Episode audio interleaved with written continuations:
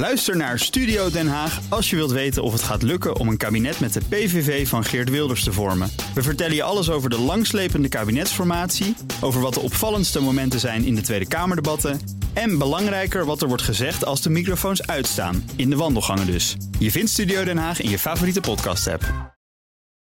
BNR Nieuwsradio. De Ochtendspits. Het is 2 december 2020. Goedemorgen, ik ben Bas van Werven. Naast me zit Iwan Frips. Iwan, goedemorgen. Goedemorgen, Bas. Zometeen 20 minuten lang het nieuws van dit moment... en uh, inzicht in de dag die er komen gaat. Zowel Binnenhof, in heel Nederland en de rest van de wereld. Met andere woorden, de vliegende start van je werkdag. Te beginnen met nieuws over het vaccinatieplan van het kabinet. Dat voldoet bij lange na niet, zegt Piet Fortuyn, voorzitter van vakbond CNV, vandaag in het AD. Hij denkt dat Nederland achter de feiten aanloopt en is bang voor grote extra schade aan de economie. En om dat te voorkomen wil hij een zogenaamd militair uitvoeringsplan, net zoals ze in Duitsland hebben, waar ze honderden prikstraten die ze hadden uh, in sporthallen en voetbalstations uh, hebben ingericht op de plekken waar eerst getest werd. De CNV wil ook dat miljoenen werkenden prioriteit krijgen met de inentingen... zodat iedereen gewoon weer lekker aan het werk kan. Alleen Hugo de Jonge die vindt het plan zoals in Duitsland niet nodig... want, zegt hij, het duurt nog maanden voordat we massaal kunnen vaccineren. Fortuin van CNV zegt daarentegen... ja, met dat testen hebben we de plank ook goed misgeslagen. Toen hoorden we ook, het komt allemaal goed, dat bleek niet te kloppen. En dat gevoel heb ik nu ook. Alleen maar zeggen, het komt goed, is niet goed genoeg. Nee. En elke vertraging leidt volgens hem tot enorme schade aan de economie. Nou, gisteren werd ook bekend dat de Europese Geneesmiddelenautoriteit... hier in Amsterdam gevestigd trouwens, de EMA... op 29 december een oordeel veld over dat coronavaccin van Pfizer en BioNTech... En dat daarmee de primeur heeft om uitgerold te worden in, in ons land. Uh, nou, daarop zei uh, de jongen dat in de week van 4 januari kan worden begonnen met het, met het inenten. RIVM, GGD, huisartsen, verpleeghuizen, instellingen. Die werken nauw samen, zegt de jongen. Maar zoals gezegd, er komt nu dus een hele hoop kritiek vanuit de, andere, vanuit de andere hoek. vanuit de andere hoek. bij de bonden, CNV, of ik zeg beide bonden, CNV, die, eh, die roept dit dus. Ja, er is een ander land dat denkt dat ze het eerste westerse land zijn met een goedgekeurd coronavaccin. En dat is een van onze buren, namelijk het Verenigd Koninkrijk. Ja. The Guardian schrijft erover. En het gaat over het Pfizer-BioNTech-vaccin. Dat zou binnen enkele dagen al een noodtoestemming kunnen krijgen in het VK. Mhm. Mogelijk zelfs vandaag al. Ja, en ze hebben 40 miljoen doses besteld. Hè, en 10 miljoen daarvan die worden dan uh, naar verwachting al dit jaar geleverd. Nou, dat is nog een maandje weg. Dat is natuurlijk mooi dat als dat lukt... zou dat goed nieuws zijn voor uh, Boris Johnson... want dan is hij de Europese Unie voor, voor een keertje. Ja, formeel heeft de EMA, waar we het net al over hadden... tot januari 2021 nog wel iets te zeggen... over licenties en goedkeuringen -hmm. voor medicijnen en vaccins... ook in het Verenigd Koninkrijk. Maar het Verenigd Koninkrijk heeft zelf een orgaan... dat noodtoestemmingen kan uitvaardigen. Dat gaan ze dus waarschijnlijk doen. En dan kunnen zij eh, mogelijk weken voordat in andere westerse landen wordt gevaccineerd al gaan beginnen. En dat zou misschien toch een eerste voordeeltje van de Brexit kunnen zijn. Er moet juist niet meer asfalt komen, zoals verkeersminister van Nieuwenhuizen deze week voorstelde. Maar mensen moeten meer buiten de spits blijven rijden en thuiswerken. Alleen zo voorkomen we dat we na corona weer massaal in de file naar ons werk staan. Dat zeggen verschillende mobiliteitsexperts tegen BNR. Volgens hen is dit het moment voor de overheid om te voorkomen dat mensen weer terugvallen op hun oude gewoonten. Bijvoorbeeld door het invoeren van rekeningrijden. En dat is dus heel iets anders dan wat minister Cora van Nieuwenhuizen wil. Ja. Want zoals je net al zei, de minister wil meer asfalt. In een interview in de Telegraaf reageerde ze onlangs al op het uh, lang bestaande verwijt van deskundigen dat meer asfalt op de lange termijn niets oplost. En dat mensen na corona meer thuis zullen blijven werken. Daarop zei ze: daar word ik een beetje ziek van. Het is cherrypicking wat ze doen. We vragen nu van mensen: je moet altijd thuiswerken. Na corona kunnen we aan mensen maximaal vragen om één à twee dagen thuis te werken. En de deskundigen zouden volgens de minister onder meer over, onder meer, uh, over het hoofd zien dat veel mensen niet meer met het OV zullen gaan. En een tweedehands autootje kopen en dan weer lekker de weg op gaan. Ja, dat is heel wat anders dan wat de deskundigen tegen BNR zeggen. Luister bijvoorbeeld naar wat hoogleraar transportbeleid van de TU Delft Bert van Weder over zegt. Ja, ik ben het niet eens met de minister. Die suggereert dat de hele coronacrisis geen invloed zou moeten hebben op de mate waarin je nog geld investeert in de hoofdwegeninfrastructuur. Ik zie dat anders. Als dankzij corona de druk op de spitsen minder groot wordt, zijn investeringen om die druk te verminderen gewoon minder rendabel. En ik zou dus zeggen, heroverweeg alle plannen voor zover die niet al aanbesteed zijn of voor zover je niet meer uh, de beslissing terug kan draaien. Ja, dus zegt Bert van Wij gewoon niet meer investeren in asfalt. En dat zegt ook Carlos de Weijer, die is mobiliteitsexpert aan de TU Eindhoven. Het klopt ook wel dat we niet veel minder zijn gereisd, maar er is een duidelijke verschuiving van zakelijk vervoer naar vrije tijdsvervoer. En dat houdt de druk van de spits weg. Daar zal zeker weer een deel van terugkomen. Maar ik denk niet genoeg om nu, om nu weer heel veel geld uit te gaan geven om weer capaciteitsuitbreidingen te doen. Precies, dus dat gewenste asfalt, zeggen deskundigen, van, van nieuwe huizen is helemaal niet nodig. Een permanente gedragsverandering dat is wel handig. Ja, want hoewel iedereen wel erkent dat niet elke Nederlander thuis zal blijven werken, zien ze juist een taak voor de overheid om ons ook na corona in ieder geval zoveel mogelijk te stimuleren om niet weer in die spits te gaan rijden. Of als niet nodig is, überhaupt de weg op te gaan. En nu, tijdens de coronacrisis, is daarvoor volgens de experts het ideale moment omdat we momenteel eigenlijk al het goede gedrag aan het vertonen zijn waarmee we het fileprobleem kunnen oplossen. Overheid, maar ook bedrijfsleven zou dan een extra zetje kunnen geven, denkt Van Wee van de TU Delft. Het is te overwegen om mensen inderdaad een extra zetje in de rug te geven. Om ze te stimuleren om niet in de spits de weg op te gaan of uh, de trein in te gaan. Dat kan via de overheid, maar dat kan ook via werkgevers die expliciet tegen mensen zeggen: uh, bij voorkeur niet in de spits reizen. Plan je afspraken zo zodat je niet uh, in de ochtendspits de snelweg opgaat en in de avondspits weer naar huis gaat of de volle trein gaat. en ook vervoerseconoom Erik Verhoef van de Vrije Universiteit denkt dat financiële prikkels een handje kunnen helpen om ons uit de spits te houden. En Verhoef spreken we om 7 uur in de ochtendspits. En dat gesprek kan je natuurlijk vinden op bnr.nl. Ja, het, en het punt is een beetje: uh, financiële prikkels, hartstikke leuk, maar dan niet rekening rijden, waarbij je bestraft wordt omdat je rijdt in, maar misschien gestimuleerd wordt om op een ander tijdstip te gaan rijden. Dat is een soort cadeautje. We moeten gewoon zo uh, rijden zoals we dat nu doen eigenlijk. Hè? Dat, is het, uh, dat is de bottom line. Ja, uh, Inderdaad. Ja. Opvallend is wel dat het aantal auto's op de weg alweer langzaam naar het niveau gaat van voor de coronacrisis. Maar toch staan er vele malen minder files. Dat komt omdat mensen zich niet meer zo massaal op dezelfde vaste tijd in de ochtend en de avond verplaatsen. Dat is een ontwikkeling die je al gedurende de hele crisis ziet. En dat blijft ja, dus doortrekken. En ook nu is er geen ochtend- en avondspits zoals we die vroeger kenden. Bas, dat jij minutenlang aan het praten kilometer. was ja, met mensen van de AWB. Dat is nu allemaal veel korter. Ja. Um, en dat blijkt ook uit een analyse van Dat Mobility die we hebben opgevraagd. Ja, ik sprak met Peter van der Meijden van het bedrijf van Dat Mobility. En die zegt, ja inderdaad, we gaan uh, net, bijna net zoals normaal weer de, de, de, weg op. Alleen, het ziet er toch een beetje anders uit. Duidelijk minder dan voor het uh, begin van de coronacrisis. Maar het is zeker een stuk meer uh, dan na de lockdown. Dus het is langzamerhand echt opgekropen naar... ja, ik denk zo'n zo'n 10, maximaal 20 procent minder. Mm -hmm. Toch, we hebben weinig files. Hoe, hoe komt dat dan? Want je zou kunnen zeggen dan ben je eigenlijk op hetzelfde niveau met de echte spits en zo. Maar werken we op ja, andere, dat, andere momenten? Ja, dat is wel echt een heel erg grote uh, verschuiving die we mm. waarnemen. Als je het bekijkt over de dag is het verschil misschien niet zo groot meer. Maar als je het echt in de piekperiodes bekijkt, dus de ochtend- en de avondspits... dan zien we echt een heel duidelijk uh, verschil met, uh, met voor corona. Mm -hmm. En uh, ja, juist de, de, de spitsperiodes zijn natuurlijk precies de periodes... waar de meeste congestie optreedt. Ja. En, en die zijn we dus eigenlijk gewoon kwijt. Omdat mensen inderdaad wat later naar werk gaan. Werkgevers dat, dat doen of meer, meer, uh, toch meer thuis nou, zitten te werken? Er is natuurlijk toch wel een heleboel, uh, een aantal, nou ja, een behoorlijk percentage mensen... dat niet meer uh, naar hun werk toe gaan. Ja. Dat is in ieder geval, nou ja, ik ben er ook eentje van... Mm -hmm. die al zeven maanden of meer inmiddels geloof ik thuis aan het werken is. Ja. En een boel van mijn collega's ook. En dat merk ik ook met heel veel mensen bij de overheid die thuis zitten. Dus die zie je niet meer in die, in die vroege en in die laatste spits. Ja, uh, toch is het gek ook dat we openbaar vervoer... daar zien we ook uh, de vervoercijfers geweldig naar beneden kelderen... ook omdat mensen uh, thuiswerken. We horen anderzijds ook verhalen van mensen die nu... de spits in het OV mijden... en juist een tweedehands autootje hebben gekocht... om met de auto deel te nemen. Dan zou je zeggen, dat geeft weer extra druk. Maar ook die blijven buiten die spits rijden. Ja, je moet wel zeggen dat... Uh, ja, dat klopt. Dat klopt mm -hmm. ook. Ook die blijven buiten de spits uh, rijden. Maar ja. je moet je vooral voorstellen dat het percentage OV... ten opzichte van het autoverkeer is, was natuurlijk al heel erg klein. Mm. En zelfs als je daar nu een klein stukje van pakt... die zeggen van ja, maar ik ga nu helemaal niet meer met het OV... en ik ga met de auto...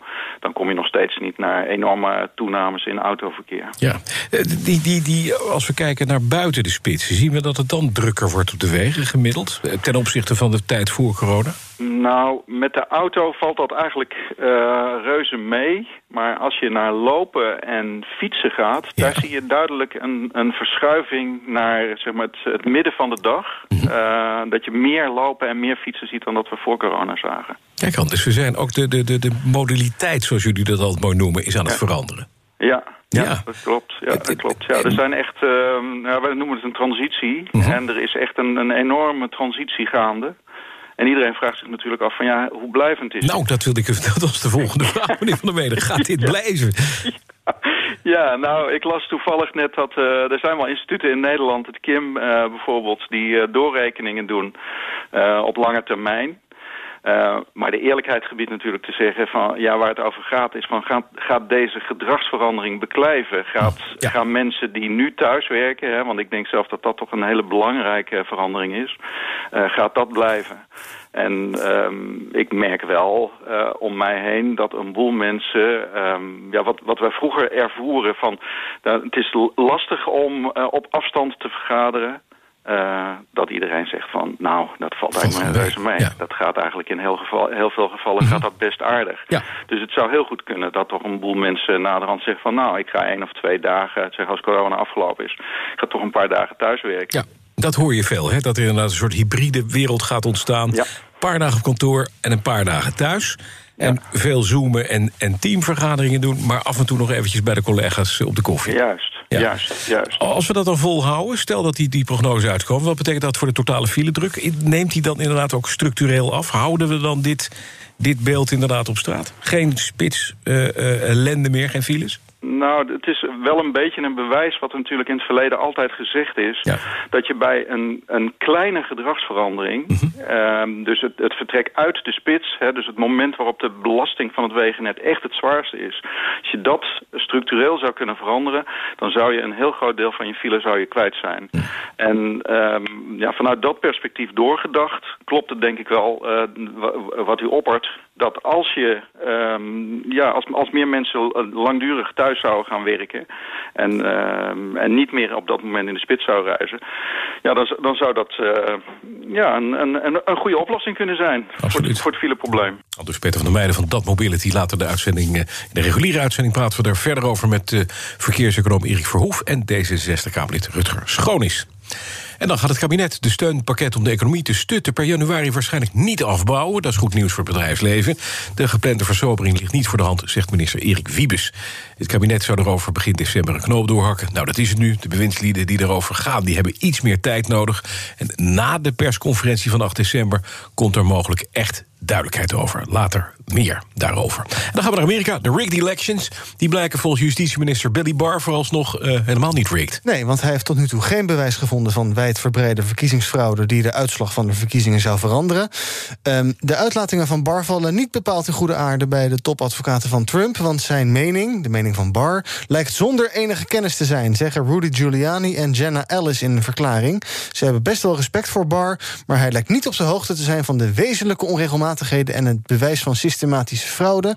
En ook lijkt hij dat niet onderzocht te hebben, klaagt de duo. Wacht even, de FBI heeft er naar gekeken, de verkiezingscommissie hebben er naar gekeken, het justitieministerie heeft er naar gekeken, maar hij weet er niks van. Hij weet er Giuliani. niks vanaf, inderdaad, zegt mm Rudy Giuliani. Nou, nou, dan weten we genoeg inmiddels. Ja, nou dan weten we dat weer van Rudy Giuliani. Maar een man die het absoluut niet eens is met het feit dat uh, uh, Trump maar niet wil toegeven dat hij verloren heeft, is Gabriel Sterling. Dat is een man die een, uh, in Georgia verantwoordelijk is voor stemsystemen bij de verkiezingen. En die kwam gisteren met een boze persverklaring waarin hij zijn mede-republikeinen en de president eigenlijk oproept: doe even normaal. Mr. President, it looks like you likely lost the state of Georgia.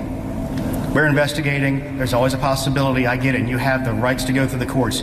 What you don't have the ability to do, and you need to step up and say this, is stop inspiring people to commit potential acts of violence. Someone's going to get hurt.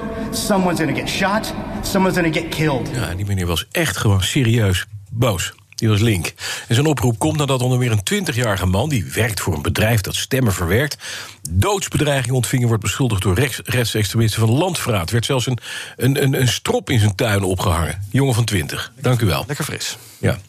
En dan overweegt Trump om ook nog een hele trits van zijn naaste gratie te verlenen. Hoe zit dat hier wel? Ja, dat hij Giuliani preventief gratie wilde gaan verlenen wisten we al... maar hij zou nu ook hebben gesproken om zijn kinderen Donald Jr., Ivanka en Eric preventief gratie te geven, meldt de New York Times op basis van twee ingewijden. Um, hij zou bang zijn dat, hij zijn familieleden, dat zijn familieleden na zijn aftreden inderdaad het ministerie van Justitie achter zich aankrijgen. En nu zou hij dus overwegen om uh, nou, iedereen maar Precies, vooraf al gratie keer. te geven. Klaar. Nou, Michael Flynn al gedaan, en Roger Stone. En gratie blijkt ook te koop. Althans, er is een onderzoek gaande. Exact. Het ministerie van Justitie doet daar een onderzoek naar. Er is een document bij een rechtbank ingediend en heel veel zwartgelakte pagina's. Dus er is veel onduidelijkheid over. Maar een document waarin een onderzoek wordt gelast naar omkoping in ruil voor gratie. Inderdaad, uh, er zou uh, ja, een aanzienlijke politieke donatie zijn aangeboden in ruil voor een presidentieel gratiebesluit. Nou, een spannend verhaal, maar met nog heel veel onduidelijkheden. Ja. Dus we moeten gaan zien hoe dat afloopt. En een hele hoop zwart gelakte toestanden. Je luistert naar BNR. Een enorme overname in de techwereld, want het Amerikaanse softwarebedrijf Salesforce koopt de populaire zakelijke chatdienst Slack naar verluid voor 28 miljard dollar. Nou, het is een deels in cash, deels in aandelen, swap. Het zou de grootste overname van Salesforce ooit zijn. Het bedrijf wil met Slack volop de concurrentie aangaan met die andere grote chatdiensten. Benieuwd of je de tune herkent. Oh ja, die hoor ik de hele dag hier bij BNR. Precies. Teams is dit toch? Ja, dat klopt, ja. ja. nou bestaat Slack sinds 2013, heeft niet echt geprofiteerd van de coronapandemie. Mensen schakelen voor videobellen en chatten over op Teams en Zoom. En Slack wil daar verandering gaan brengen met Salesforce. Uh, moet die populariteit gaan winnen. Overnamegeruchten waren er vorige week al van de Wall Street Journal. Daarna ging de koers van Slack al omhoog. Nou, vannacht in nabeurs ging eh, het aandeel Salesforce 4% naar beneden... en bleef Slack gewoon staan. Vorig jaar werd het naar de beurs gebracht, nog nooit een cent winst gemaakt... en nu verdwijnt het alweer. Op de lange termijn heeft het geen enkele zin om CEO's meer te betalen dan de markt. Dat concludeert de Vlerik Business School. Op de korte termijn levert het wel wat op, maar na verloop van tijd pakt het juist negatief uit voor de bedrijfsprestaties. Nou, we praten erover met Xavier Baten, hoogleraar aan die Vlerik Business School. Goedemorgen. Goedemorgen. U maakt zelf een vergelijking met wielrenners die doping gebruiken in de Tour de France. Dat moet u toch even uitleggen, die vergelijking? Ja, u kan de vergelijking nog anders zetten ook. Zijnde, het gras groeit niet door aan te trekken. En wat we bedoelen met de vergelijking met de doping uh, is de volgende. Dus we zijn eigenlijk gaan kijken naar de impact van um, de samenstelling van beloningspakketten op financiële prestaties op korte termijn eerst en vooral. Dus dat is de prestatie één jaar nadien. En daar zien we eigenlijk dat zowel het niveau van de remuneratie, dus hoe meer dat je betaalt, hoe betere prestaties, als, en dat is ook wel belangrijk, de structuur van het pakket een impact hebben. Met de structuur van het pakket bedoelen we dan het gewicht van de variabele beloning. Bijvoorbeeld bonussen, aandelen gerelateerde beloning. Dus je ziet eigenlijk dat dit ook een positieve impact heeft op de prestaties. Ja. Um, en voor ons was dat een opmerkelijke bevinding. En wij dachten van, tja, oké, okay, dat, dat wijst ergens in de richting een beetje van doping. Dus laat het ons ook een keer bekijken op de lange termijn. Ja. Dus en kijkend twee jaar later, prestaties over twee jaar. En dan zien we een boemerang-effect. Dus dan zien we eigenlijk dat het remuneratieniveau geen impact meer heeft. Dus je kan eigenlijk zeggen, het is weggegooid geld om je CEO boven de markt te betalen. Maar wat eigenlijk nog belangrijker is, is dat um, de samenstelling van het pakket ook anders uitdraait. Dus hoe hoger daar het gewicht van de variabele beloning, hoe lager de financiële prestaties. En dat is wel zeer opmerkelijk. Dus ik zou het ook op een andere manier kunnen zeggen, het gras groeit er niet aan door te trekken. Ik bedoel ermee, de manier om betere financiële prestaties te hebben, is net niet om uw CEO meer op basis daarvan te gaan belonen. Precies, marktconform, dat zegt u. Maar uh, we weten alle discussies over uh, bonus, uh, plafonds noem maar op. We hebben hier in Nederland Ralf Hamers natuurlijk als mooi voorbeeld gehad. Destijds als bestuurder van ING. Op wat voor manier kun je dat nou in de, in de, in de tang houden? Behalve die mensen dit rapport van u onder de neus te laten wrijven. Ja, ik denk, ik denk dat daar eh, de rol van de Raad van Commissarissen niet mag onderschat worden. Ja. Dus ik denk eh, persoonlijk dat het niet zo heel veel zin heeft dat de overheid nu weer overgaat tot de rondje regulering. Want onderzoek heeft al aangetoond, men is daar creatief in, hè, ja. binnen ethische grenzen weliswaar. Uh, dus ik denk, voor mij komt er vooral op aan, en dat zien we uit al het onderzoek dat we doen op dat vlak, uh, en ik denk dat Nederland daar eigenlijk heel goed mee zou moeten kunnen omgaan, dat is gematigdheid. Um, zeggen wij van, het heeft geen zin om een bonus te betalen? Nee, maar wij zien bijvoorbeeld bijvoorbeeld in de AX-bedrijven, dat het pakket voor ongeveer een derde, een derde, een derde, een derde samengesteld is uit vast salaris, een derde uit bonus op korte termijn en een derde uit aandelen gerelateerde beloning. En dat is voor ons wel een signaal, dat ligt, dat variabel gedeelte, de laatste twee elementen, ligt eigenlijk aan de hoge kant. Dus ik denk dat men eigenlijk het pakket beter moet gaan balanceren, dat is punt 1. En punt 2 is eigenlijk de indicatoren die worden opgenomen ter bepaling van het variabel, dat men daar ook veel meer moet komen tot een balans tussen financiële en niet-financiële indicatoren. Wij zitten met een gigantisch milieuprobleem. U heeft het er daarnet ook over gehad, woon-werkverplaatsingen enzovoort. En daar kun je Wel, CEO's 5 voor procent... Ja. V- Ja, 5% van de Nederlandse bedrijven heeft een milieuindicator in de bonus. Ik vind dat dus ontzettend laag op dit moment. Mhm. En er mag best een beetje meer bij. Dank, Xavier Bater, hoogleraar aan de Vlerik Business School. We gaan kijken wat de Haagse agenda doet vandaag. Politiek verslaggever Sophie van Leeuwen. Goedemorgen. Het kabinet gaat de coronasteunmaatregelen in januari nog niet afbouwen. Minister Sigrid Kaag wil een gezamenlijke China-strategie met Joe Biden. En Klaas Dijkhoff wil echt geen minister worden. En hij vindt de nieuwe VVD-lijst geen klapvee. Al dus de vertrekkende fractievoorzitter op BNR. Dat en meer vandaag in Den Haag. Sophie van Leeuwen. Wij gaan nog even koppen snellen. Ja, heel kort. eh, de kranten die we het meest interessant vinden. Veel heb je al gehoord in deze uitzending. NRC opent met de plannen van Groningen, Drenthe en Friesland... om groene waterstof te maken. Die plannen overtreffen de kabinetsambitie. Experts maken zich zorgen om de stroombehoefte... en de kosten van de nieuwe fabrieken. En eh, tot slot vonden wij het Financiële Dagblad wel interessant... want de druk op fossiele bedrijven om hun CO2-uitstoot te beperken... heet inmiddels een beleggingsrisico. Bovendien presteren de niet-fossiele fossiele energiebedrijven... over de afgelopen vijf jaar structureel beter. Dat lees je vandaag in de kranten. De column van Bernard Hammelburg. Zoals de liquidatie van de belangrijkste Iraanse atoomgeleerde op een buitenweg bij Teheran in zijn werk is gegaan, hadden ze bij Netflix niet beter kunnen verzinnen. Technisch en logistiek hebben de Israëliërs een hoogstandje laten zien. De vraag is wat het oplevert. Volgens Iraanse en Amerikaanse media werd de moord op Mohsen Faghrizadeh uitgevoerd door 62 commando's, waarvan 12 als aanvalsteam en de andere 50 voor de organisatie en logistiek. Ze schakelden in de totale wijk waar de aanslag zich afspeelde de elektriciteit uit. Volgens Iraanse media werden de fatale schoten gelost uit een machinegeweer met afstandsbediening. Of het Israëlische commando's waren is niet zeker, maar dat ze onder Israëlische bevel stonden betwijfelt niemand. Israël is ervan overtuigd dat Faghrizadeh, de vader van het Iraanse nucleaire programma, bezig was met de ontwikkeling van zes atoombommen. Wie ben ik om de Mossad tegen te spreken? Maar New York Times-columnist Thomas Friedman schrijft dat het al lang niet meer over atoombommen gaat. Wat de Israëliërs te stuipen op het lijf jaagt, was een gigantische aanval op 14 september 2019 op een olieinstallatie in Saoedi-Arabië. De aanval kwam niet alleen als een totale verrassing, maar werd uitgevoerd met zeer geavanceerde Iraanse drones en kruisraketten. Die waren zo onzichtbaar en precies dat de Israëliërs de aanval het Pearl Harbor van het Midden-Oosten noemen. Als dit soort wapens de inaccurate raketten vervangen waarmee Hezbollah in Libanon is uitgerust, is dat een veel groter gevaar dan de atoombom die misschien wordt ontwikkeld, maar nog niet bestaat.